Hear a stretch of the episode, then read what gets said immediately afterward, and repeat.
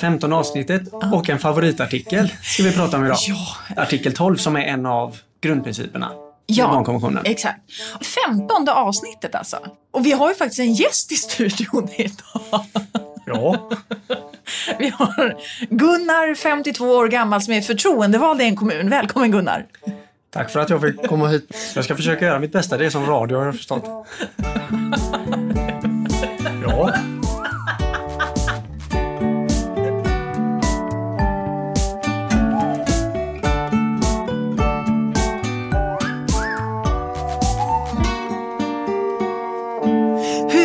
För ännu en måndag! Barnrättssnack, eh, nedräkningspodden inför att barnkonventionen blir lag.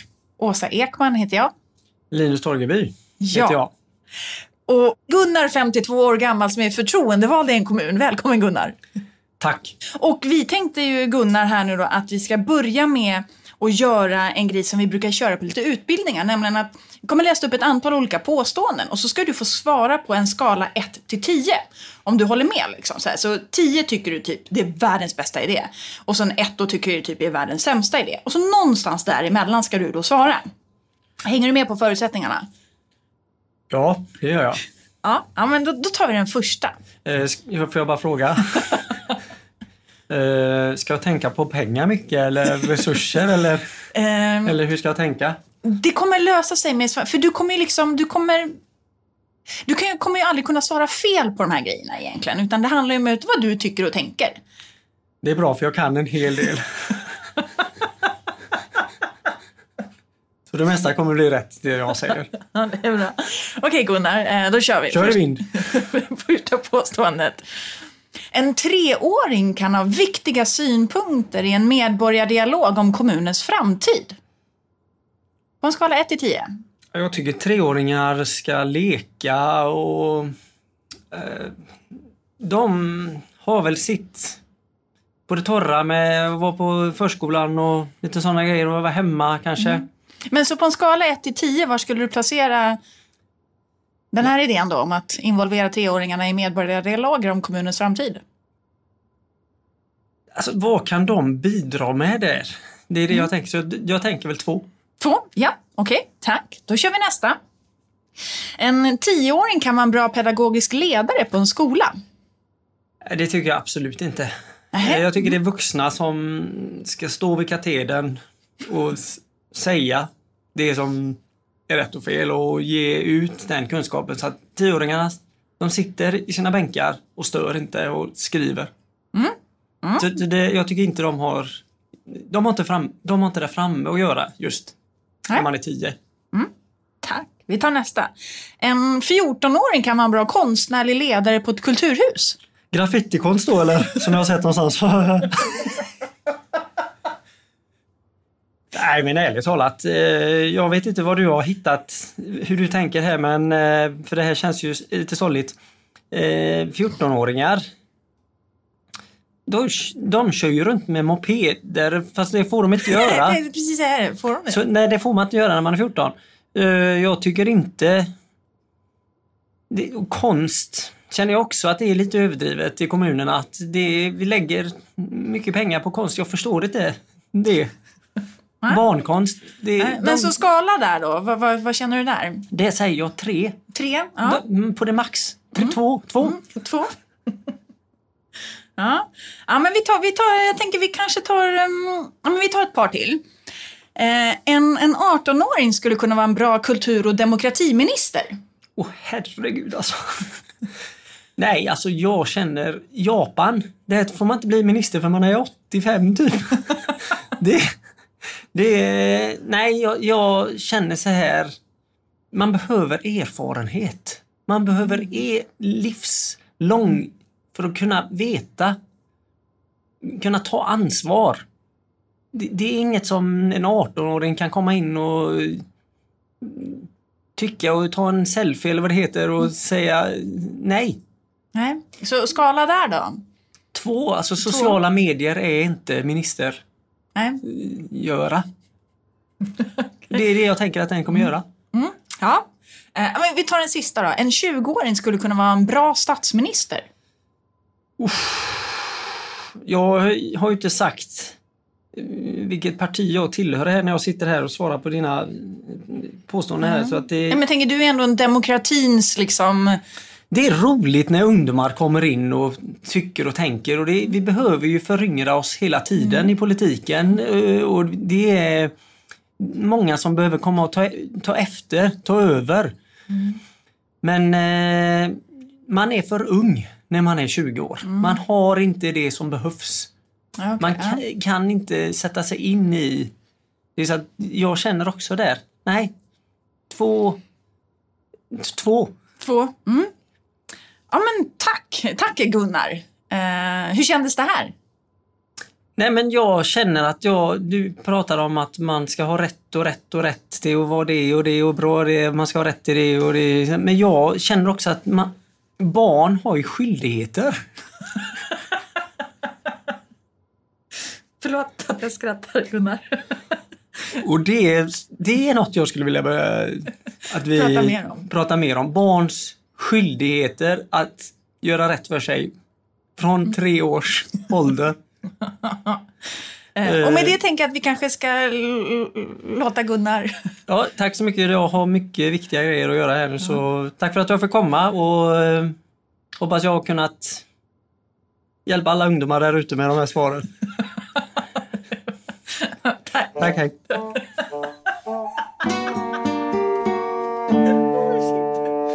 Och, och, och, och nu kanske någon tänker så här, gud, gör ni narr av förtroendevalda här? M- Men eh, nej, alltså det här är en fiktiv person. Men det som jag tycker ändå är intressant är att vi möter ju det här. Ja, det gör vi och, och jag tänker att sådana här frågebatterier är ju jättebra att göra faktiskt. För att det kan ju hjälpa Alltså det, det hjälper ju oss själva också och, och liksom få syn på våra tankar kring barns liksom, förmåga och, och vad är det de egentligen skulle säga om de var den här treåringen i en medborgardialog. ja. Alltså vi, vad... Deras röster är ju nödvändiga och viktiga och, och, och, och, och de borde ju vara med. Ja, ja. Jag tycker bara så här, jag, mm, ja, nu har jag ingen koll på vilken dag det här var, men det var ju nu, nyligen, bara för några dagar sedan, så, så utbildade jag ett gäng förtroendevalda i en kommun. Och då kommer det just, när vi har då pratat om, då har jag tagit exemplet om, ja men i kommunallagen så står det om liksom budgetprocessen typ, nu minns jag inte exakt eh, hur det står, men där står det ändå att invånarna har rätt till insyn i liksom budgetprocessen. Och då så, sa jag liksom, ja men och, så här, och hur ofta tror ni det är att det sker att barn och unga blir involverade i budgetprocessen? Har ni gjort det här någon gång till exempel? Och då är det ju en förtroendevald som, som liksom blir väldigt provocerad eh, av det här och som då säger men nu, nu får det väl ändå räcka. Nu har det väl ändå gått överstyr, så här kan det ju faktiskt inte vara. Här är ju, alltså barn i, och budget. Ja, det...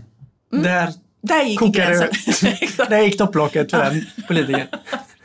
Men och det, och det är ju faktiskt ganska, alltså jag, jag tycker man får höra så himla mycket fascinerande tankar och åsikter om barn och unga när vi är ute.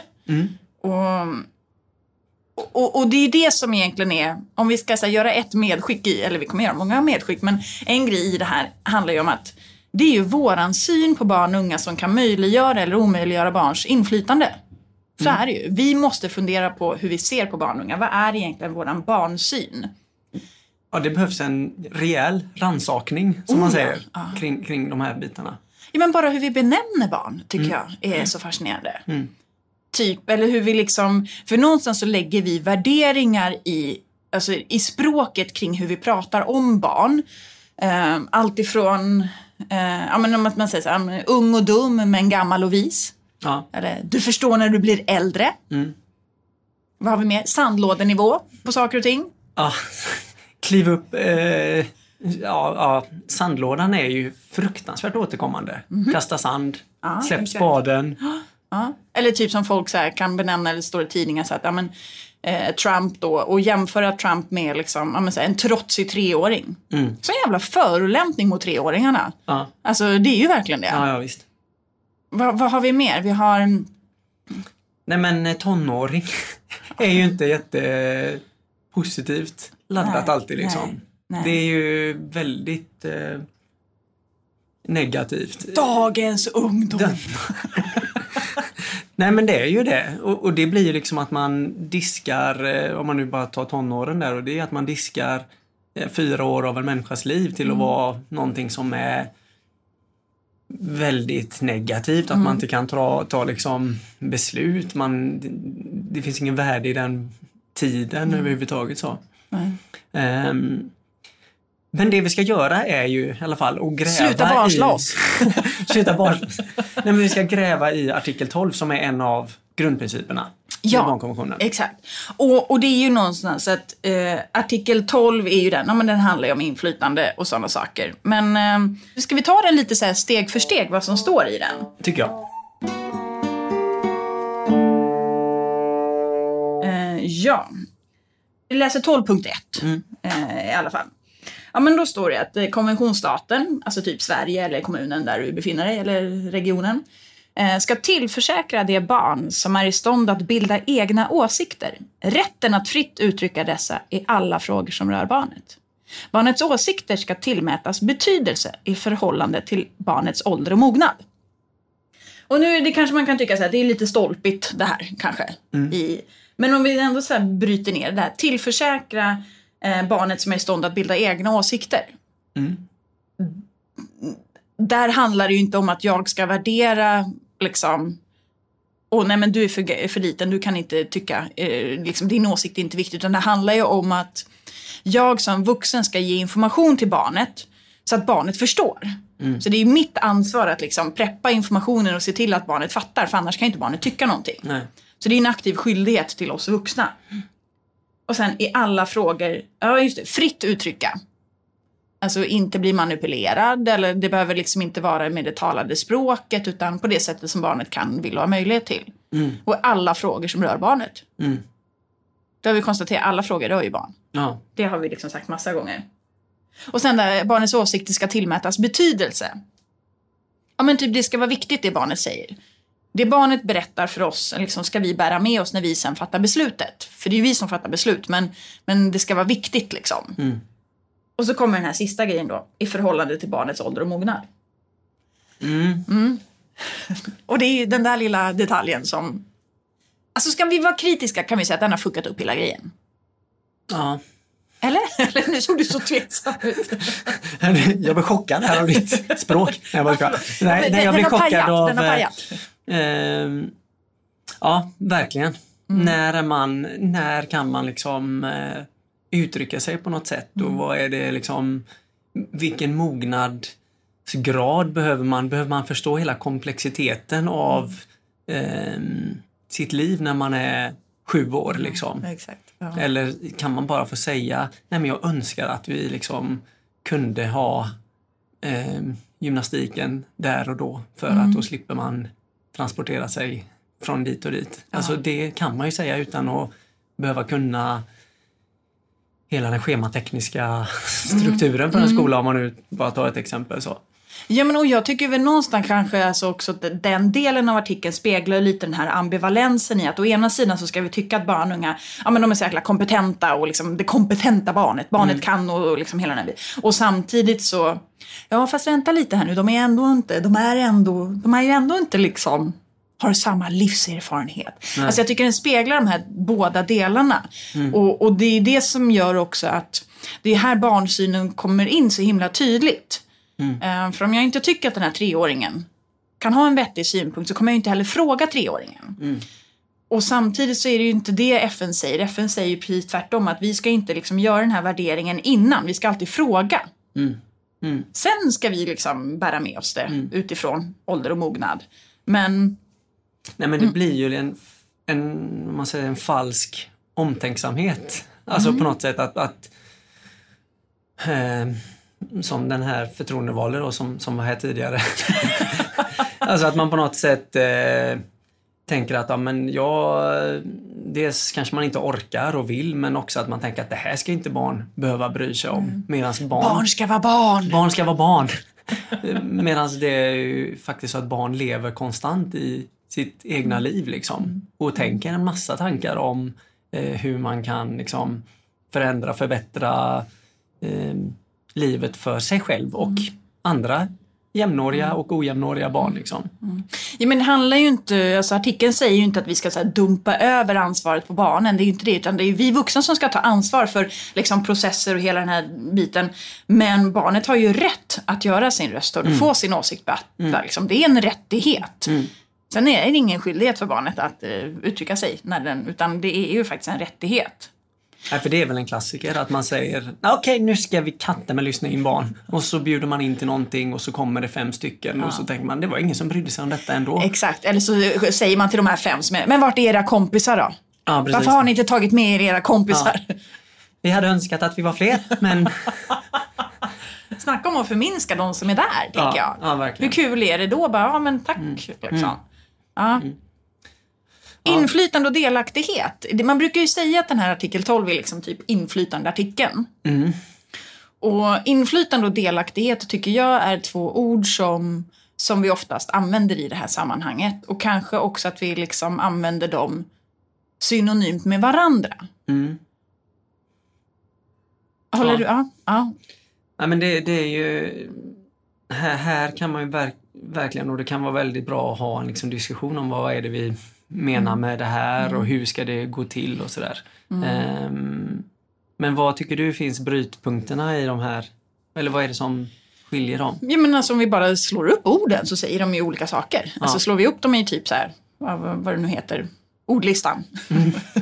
Eller vad det nu heter. Ja men om vi slår upp ordet inflytande då står det ju att liksom att kunna påverka, att kunna förändra någonting. Så har jag inflytande så kan jag också förändra eller påverka. Medan om jag är delaktig, ja men då är jag involverad i någonting. Jag kan ta del av någonting, jag är i någonting. Vilket ju visar att det inte är samma sak. Um, om jag ska vara delaktig, ja men då kanske det handlar om att jag får information, jag får liksom vara i det här rummet. Jag blir inbjuden, någon släpper in mig och jag får, får vara med i rummet. Men om jag har inflytande så får jag ju också, då kan jag också förändra rummet utifrån att jag är med. Men jag behöver ju fortfarande ha fått infon och sånt också. Och det är väl lite det som jag tänker är skillnaden. Och då blir det ju så viktigt att vi alla har koll på att det är de här sakerna. För att om någon pratar om delaktighet och någon annan om inflytande så, så blir det ju liksom lite knasigt kring barnet egentligen. Eh, och sen, sen brukar man prata om att göra sin röst hörd och eh, lite olika grejer. Ja, komma till tals och... Mm. Sen tycker jag att man brukar använda andra ord också. Inflytande och delaktighet är väl kanske de vanligaste. Men sen ploppar det ju upp eh, med jämna mellanrum lite olika, olika ord. Ja. Medskapare. Precis. Med designers. Ja. Ehm, va- varför- Inkludering. Inkludering. Ja. Inflytande på riktigt. Ja. Reellt 100%. inflytande. Reellt inflytande. Ja. Var, varför gör det det egentligen? Ja, det är, min högst ovetenskapliga teori om det här är ju någonstans att vi kanske har ambitioner att ja men den här gången, när vi nu den här gången ska liksom starta det här ungdomsrådet i kommunen. Den här gången kommer det faktiskt vara på riktigt. Det ska inte balla ur eller det ska inte bli så dåligt så skendemokratiskt som det blev förra gången. Och då någonstans så lägger vi till kanske ordet, ja men nu är det inflytande på riktigt eller det är rejält inflytande för att någonstans visa att det är en annan typ av ambitionsnivå. Ja. Men sen gör vi exakt samma grejer i alla fall. Ja. Så att någonstans så tror jag att det finns en, en vilja i att visa att det är någonting annat. Att nu gör vi det som det var tänkt. Mm. Men det blir ju sällan det. Och här är ju också, om vi nu ska rannsaka oss själva, alltså, alltså när man jobbar med barn och i barnrättsorganisationer på olika sätt som vi har gjort eller varit involverade på olika nivåer och sådär. Då, vi ligger ju också och pushar på det här. Alltså vi är också delaktiga i att ha ehm, försöka liksom spetsa till det här ordet eller göra det extra liksom bra på något sätt. Ehm, och, och liksom flasha upp det på något sätt. Ja, ja men det är hotta upp det Ja, liksom. hotta Ja. upp det och, och så. Men jag tänker så här, kan, alltså, för, för jag, kan, jag kan också bli ganska provocerad av det. För jag tänker lite så här att ja, men antingen så är det väl inflytande eller så är det inte det. Mm. Kan du ha typ halvt inflytande? Kan man ha det? Nej, alltså jag, jag... Jag tänker att vi är ju också smittade av det här med att vi har olika nivåer. Att vi också lanserar och det lanseras olika teorier och trappor och stegar av det. Vilket gör att vi på något sätt lite faller in i det här att jo men det finns olika nivåer och det är det. Och, eh, och detta är dåligt inflytande. Eller detta är liksom Skendemokrati. en skendemokrati eller eh, Manipulation. manipula eh, liksom, vi använder barn som eh, dekoration och så här. Alltså, vi, det finns ju vissa sådana grejer som vi vill distansera oss ifrån för att vi tycker att det här är fake liksom. Ja, när ni har bytt på Delicatobollar, då räknas inte det som barnen har sagt för att ni har liksom mutat upp dem. Eh, mutat hit dem. Ehm, så, så att vi är ju lite infekterade av det här att vilja gradera istället för att säga att ja, men, antingen är det eller så är det inte. Eh, så. Vi vill väldigt mycket liksom ja, Ja, men och då finns, det finns ju en risk med alla de här tycker jag. Jag kan, jag kan på ett sätt jag kan förstå poängen med att ha såna här trappor och stegar. Liksom. Och det finns väl kanske, ja, det finns ju ett par stycken som är ganska populära i, i, liksom, runt om i Sverige. Och jag kan fatta på ett sätt att det kan vara skönt att hitta så att, ja men okej, om jag nu kommer på liksom, nivå fyra här, då har jag i alla fall informerat barnen eller konsulterat dem eller jag har frågat. Alltså att det att någonstans få någon form av bekräftelse i att jag är på rätt väg. Och samtidigt så tänker jag att någonstans om man liksom analyserar alla de här modellerna och tittar på verksamhet så ja, men man blandar ihop allting och så helt plötsligt så är det bara för att jag har gett information till barnet. Nu har barnet varit, eh, liksom, haft inflytande på riktigt. Och så är det ju kanske inte riktigt. För om vi ska titta på det barnkonventionen säger så, så är det ju inte enbart den delen utan det är en större del. Och, och det finns ju också en risk i att när vi har de här liksom, modellerna och liksom grottar alldeles för mycket i det så skippar vi det som kanske är mest avgörande. Nämligen vi som vuxna. Alltså våran syn på barn.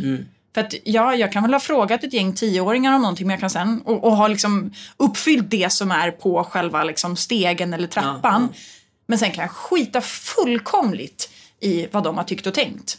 Och jag har ändå då nått en viss eh, nivå av det där. Nej, och, och, och, mm, för där tänker jag också att det som det som vi ofta gör då är väl kanske att man gör en satsning på att lyssna. Alltså, eller man kommer på att yes, nu ska vi ju bygga detta eller förändra den här strukturen och då vill vi ju ha med barnet som de är med där. Och så gör man en satsning istället för att ha det här konstanta lyssnandet som på något Exakt. sätt eh, den här artikeln handlar om. Att det handlar inte om att när vi gör det här, då ska vi lyssna. Utan det handlar om hitta strukturer eller metoder där barnet liksom eh, hela tiden får vara delaktiga och ha inflytande och där hela tiden vuxna lyssnar. Så att man liksom hela tiden vet att ja, men nu hör jag någonting här som är jätteviktigt för oss att ha med i den här processen eller vad det nu är. Eh, och det här konstanta lyssnandet, det är det som jag tycker ofta saknas.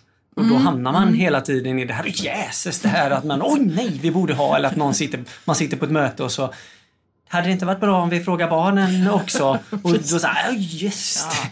Gisslandes så här, istället för att om, om, om, om det fanns hela tiden en inlyssning liksom. Och det kan vara det, det, kan, det kan vara på många olika sätt. Då hade man inte hamnat i det här inbromsningen eller att nu måste vi sminka upp det här så att eh, vi har haft med barn på olika sätt eller att de har varit involverade eller Och samtidigt ibland kanske man måste, alltså, jag vet inte för jag tror ju inte samtidigt heller att liksom gå från att typ snacka med, vi bjuder in till en dialog en gång om året. Eh, att gå från det till att ha med sig barns röster i varenda moment. Det är ett ganska långt eh, steg. Mm. Ja. Ja. Och då tänker jag att då kanske man måste, det kanske måste vara någon som faktiskt på varenda möte hela tiden bara Ursäkta, vad tycker barnen om det här? Alltså den Mm. jobbiga personen har, vi, har vi ju båda varit. Eh, Men eh, så jag tänker, och det här sker ju också på så många nivåer. Mm. Så beroende på vart du befinner dig, det är en sak det som sker i mötet med barnet. Ja. Sen behöver du ha strukturer och processer för att liksom lyssna in, hämta in och återkoppla. Så hela, det, det är ju på så många olika nivåer som saker och ting sker. Mm. Och därför så funkar det ju inte att ha en process, ja, tror jag. nej, nej, Alltså det går ju för att du inrymmer liksom inte allting i det. nej. Och, och det är väl liksom de här vattentäta skott vatten som finns mellan barn och vuxna på olika sätt. Det är ju de man vill få undan liksom, eller liksom också ifrågasätta för att jag tror att det är när det finns de här vattentäta skotten som barnsynen blir lite unken, om man säger så. När det finns hela tiden ehm, om man säger att det är en arena som barn och vuxna är på tillsammans, som är de flesta arenor mer eller mindre. Men så finns det hela tiden ett rum där vuxna är för sig själva. Som, där det inte finns en dörr in för barn liksom. Eh, och, eller där, barn, där de vuxna går ut med allt det här bestämmandet och styrandet. Men när den dörren är, när det finns, när den muren är väldigt solid, det är då jag tror att det frodas såna här unkna grejer. Ja. Alltså det, där tänker jag med, med, om man säger det här med på en treåringsnivå och sandlåda och sådär. Det får ju hållas eftersom det inte är någon treåring som Nej. kan läsa Nej. Dagens Nyheter eller eh, Facebook eller vad det är. Men hade det varit en treåring som helt plötsligt skrev bara Hallå! Vad håller ni på med? Ja. Bertil, tre år i Östersund. Då tror jag att det hade liksom klätt av. Mm. Det hade på något sätt varit uppenbart. alltså, Men vad, vad är det vi håller på med liksom? Ja, men både ja och nej tror jag. Jag tror ju samtidigt också att det är ju tyvärr så himla många gånger där, där liksom unga då har berättat att de har suttit på möten med, med, liksom med vuxna eller olika typer av sådana här dialogträffar och forum.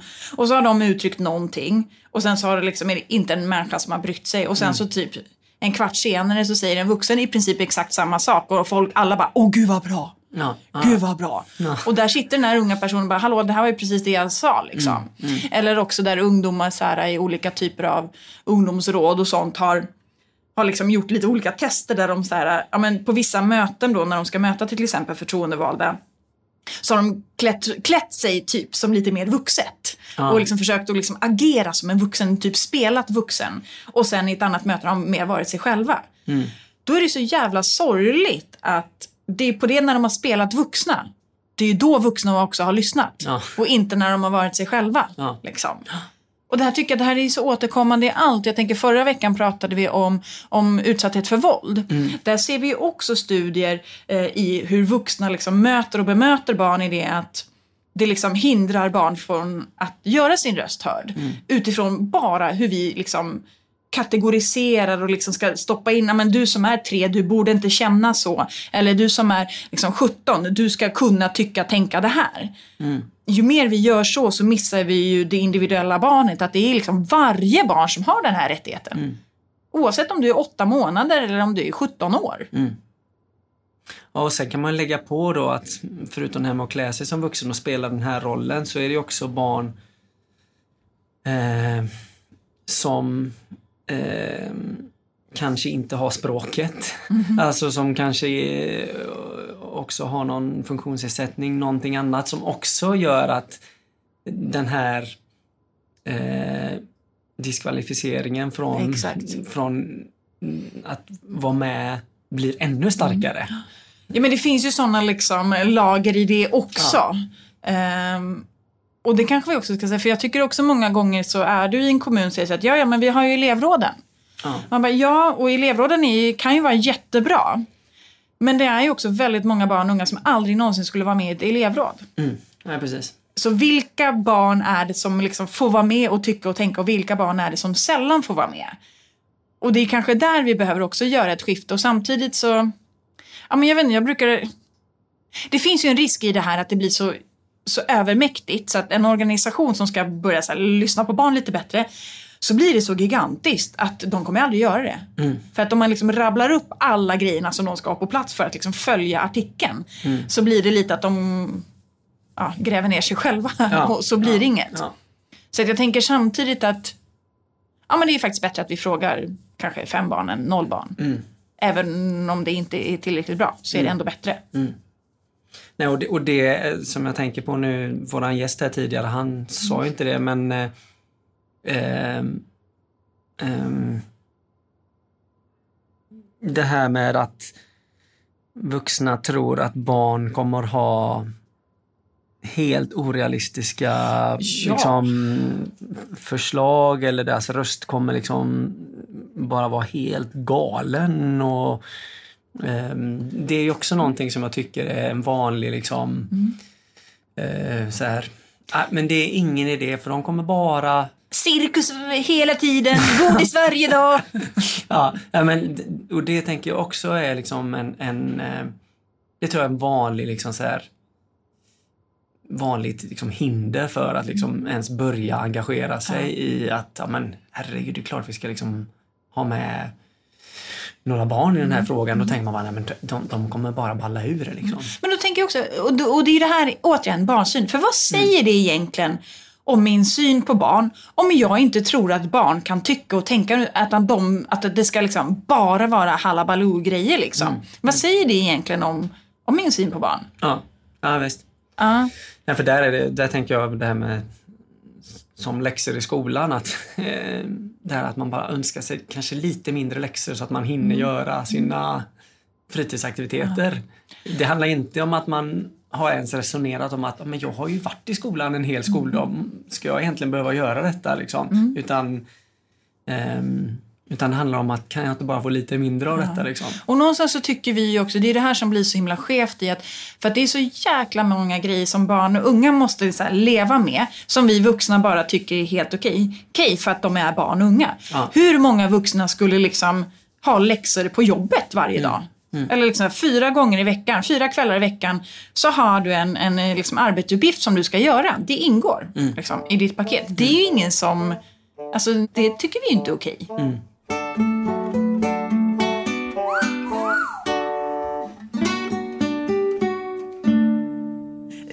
Vi, vi, den här gången har vi än så länge inte sagt någonting om FNs barnrättskommitté.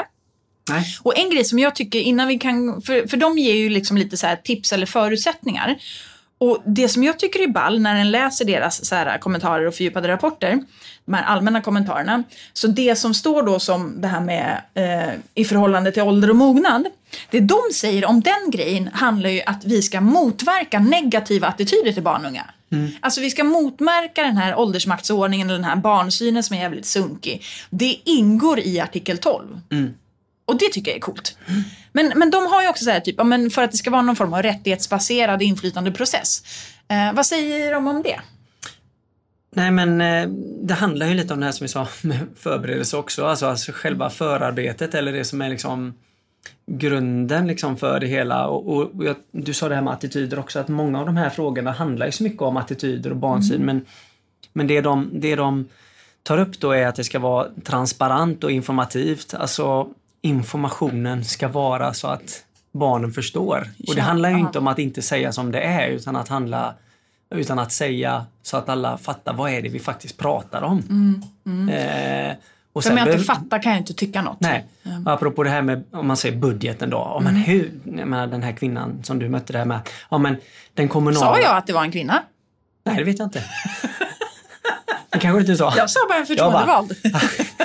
Jag känner att den här, vi rackar ner på den här gubben. Det Okej, blev en kvinna. ja, Nej, jag vet ja, inte.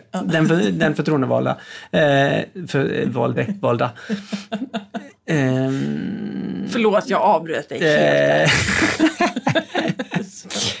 jo, jo, men det jag tänkte säga var det här med budget. ja, Att det är klart att en, ett barn kan fatta vad en budget är. Om vi förklarar. Alltså så. Mm. Eh, ganska tidigt man liksom börjar få förstå vad räcker 10 kronor till Mm. på ICA liksom. Och det handlar ju om att hur vi ställer frågorna, det är ju det. Alltså om jag säger så här, alltså, det är precis det det handlar om. Att vi måste ju ge information på ett sätt som barnet själv förstår. Och, och också ge förutsättningar för barnet att tycka och tänka. Och det är det som den här barnrättskommittén liksom ändå signar upp på, de här Ja, grejerna ja. där. Ja. ja, men så transparens och information, det är en grej. Mm, och sen frivillighet. Alltså det är en rätt att göra sin röst hörd, inte en skyldighet. Eh, och i det tänker jag också att man måste ju bredda så att man ser till att försöka fråga, fånga upp så många barn som möjligt så att inte den här frivilligheten blir de här Gisslan-personerna. gisslanpersonerna eller de som eh, redan eh, säger att men vi frågar dem, de har alltid åsikter liksom. Men det kanske finns fem andra som har jättemycket åsikter om just den frågan. Och frivilligt är också att de måste kunna få liksom, typ precis när som helst, alltså också säga att nej men nu räcker det, jag vill inte vara med mer. Nej, precis. Eh, och sen respektfullt. Eh, och, och, och där tänker jag att Nej men inte förlöjliga.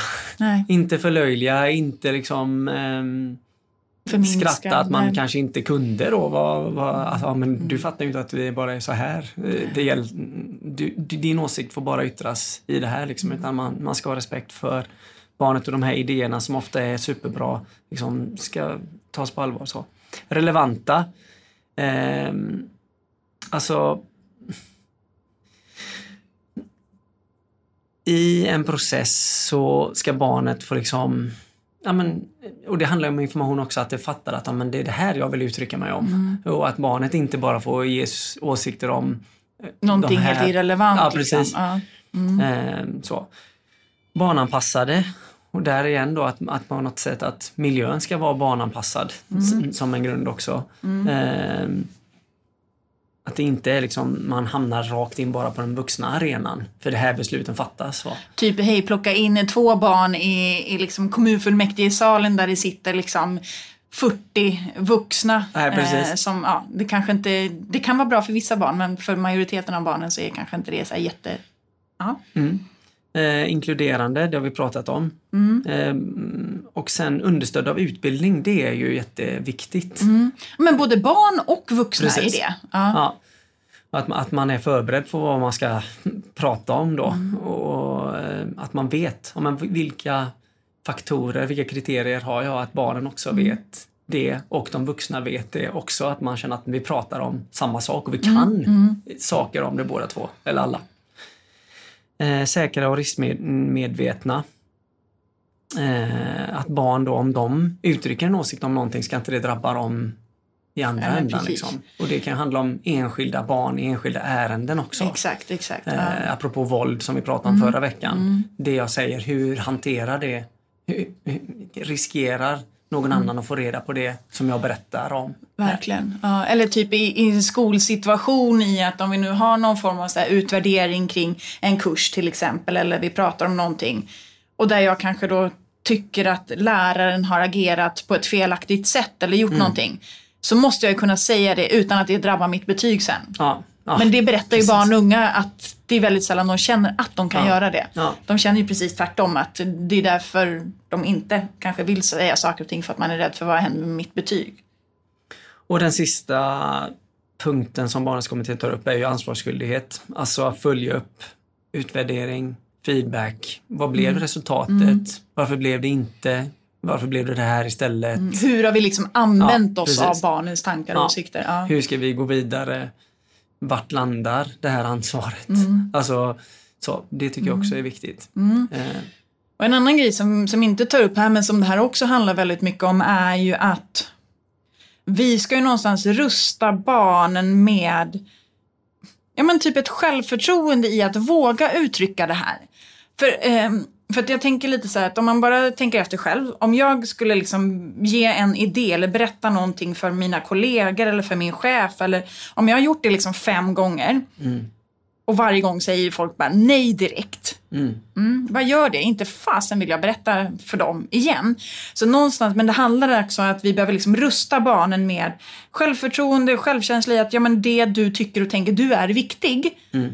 Så att barnet också vågar göra sin röst hörd. Mm. För vi kan skapa fantastiska liksom, miljöer och sådär. Men om det barnet aldrig någonsin har fått höra att eh, hennes åsikt är viktig, mm. inte fasen kommer det barnet berätta då. Nej. Så att det är liksom återigen det här, alla olika nivåer som det här sker på. Ja, och det, och det är ju igen där liksom att komma bort från det här det är vuxna mot barn. Alltså, det, alltså utan att hitta allianser som liksom bryter alla de här barriärerna så att vi på något sätt lever ihop. Ja, men lösa saker och ting tillsammans. Nu kommer en gäst in som ska sjunga We are the world. Nej men det, det är väl nej, verkligen bort från det här en enad front. Utan liksom leva på något sätt, ja, men, samskapa. Nu kommer till precis, nu kommer de där orden igen. Ja, Ja. Men jag tänker vi kan ju bara, om vi ska avsluta med, man säger nu, för nu har vi sagt här, strukturer ganska många gånger. Mm. Om vi skulle hitta på en kommun Och så tänker vi att om vi nu ska göra inflytande, alltså titta på, så här, bara berätta kort om alla de här olika typer av strukturerna som behöver vara på plats för att den här kommunen ska kunna säga att vi gör det här på riktigt. Ja. Så. Så tänker jag att det är ganska många olika typer av strukturer. Sen, kanske, sen om man bygger det en och samma, det vet inte jag om det funkar eller inte. Men eh, en grej, vi måste ju börja med att men för det första behöver både vuxna och barn ha kunskaper om vilka rättigheter de har. Alltså det är ju liksom en grej. Ja. Eh, och sen behöver vuxna fundera på sitt bemötande. Liksom i det här individgrejen. Att då behöver vi ha strukturer som gör att liksom vuxna har kunskaper och, och liksom sådär för att kunna möta och bemöta barn på ett bra sätt. Vi behöver ha strukturer där eh, barn och unga får möta beslutsfattare med jämna mellanrum och lyfta sina frågor och det de tycker är viktigt.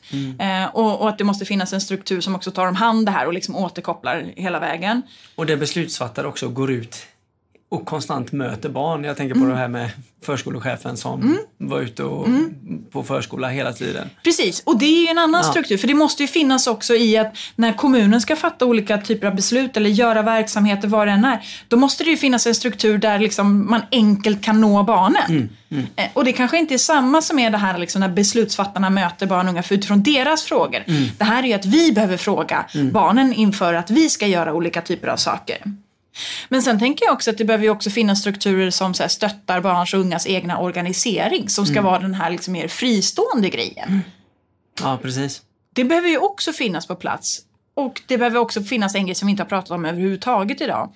Men strukturer där barn faktiskt kan klaga när rättigheterna kränks. För vad är egentligen rättigheterna värda Ja. annars? Nej men eh, Medborgarkontoret som kanske finns, den känns ju ofta väldigt riktad till de vuxna medborgarna i kommunen. Oh, ja. Och eh, någonstans där skulle man kunna göra en stor vridning på att ja, men, m- barnen är ju också någon slags medborgare i kommunen och hur känner de sig? Är, är, det, är, det liksom, är de välkomna in på Medborgarkontoret? Ja men, ex- men det väl bara titta vilka, alltså hur kan du kontakta medborgarkontoret eller vad det nu kan. Ja, Kontorstid när man är i skolan? exakt, exakt. Och du måste ringa. Ja. Typ. Ja, du kan skicka ett mejl kanske, men ja. ja. nej, det är, vi har en hel del att göra. Men om vi summerar det här nu då, så har vi ju sagt att inflytande, det är en rättighet, det är en möjlighet, men det är ingen skyldighet. Och vi vuxna, vi kan möjliggöra eller omöjliggöra barns inflytande. Och vi måste ha massa strukturer och processer som gör att vi involverar barn och unga och som återkopplar och hela den biten. Är det någonting, vad är det mer vi vill skicka med? Och reflektera själv och tillsammans med andra kring vilken barnsyn ni har och när liksom, ta bort etiketter som är negativa för, barn, för, för respekten för barn. Ja, ja men det, precis. Ja, men det, det får, får vara en ganska bra summering. Mm. Eller? Absolut. Ja. Eh, då säger vi... Det finns egentligen massa saker vi vill mer säga om det här, men det går inte. Men det, det får vi inte. Vi får sluta. Vi måste sluta säga att det finns något. Men det... Eh, nej men så är det och det här är ju ett himla roligt område att jobba Ja, med. ja. Så, och, och det är någonting som man behöver göra i alla, vad ni än jobbar med, vad ni än är liksom engagerade så, så ha det här som liksom en konstant punkt kring Mm. inflytande och delaktighet. Alltså, för det är så himla kul. Ja, det är det. Eh, tack till BRIS, vi har Ja! fått vara här ännu en gång. Precis, och då spela kan man ju, apropå, förlåt, apropå temat, så har ju BRIS sitt in- innovationslabb. Det kan ni ju googla. Eh, För det handlar ju också om inflytande. Verkligen. Spännande. Mm. Då säger vi på återhörande och hör av er om ni har frågor eller tankar. Barnrattsnack gmail.com eller Instagram. Exakt. Ja. Grymt! Tack för idag. Tjo! Hej!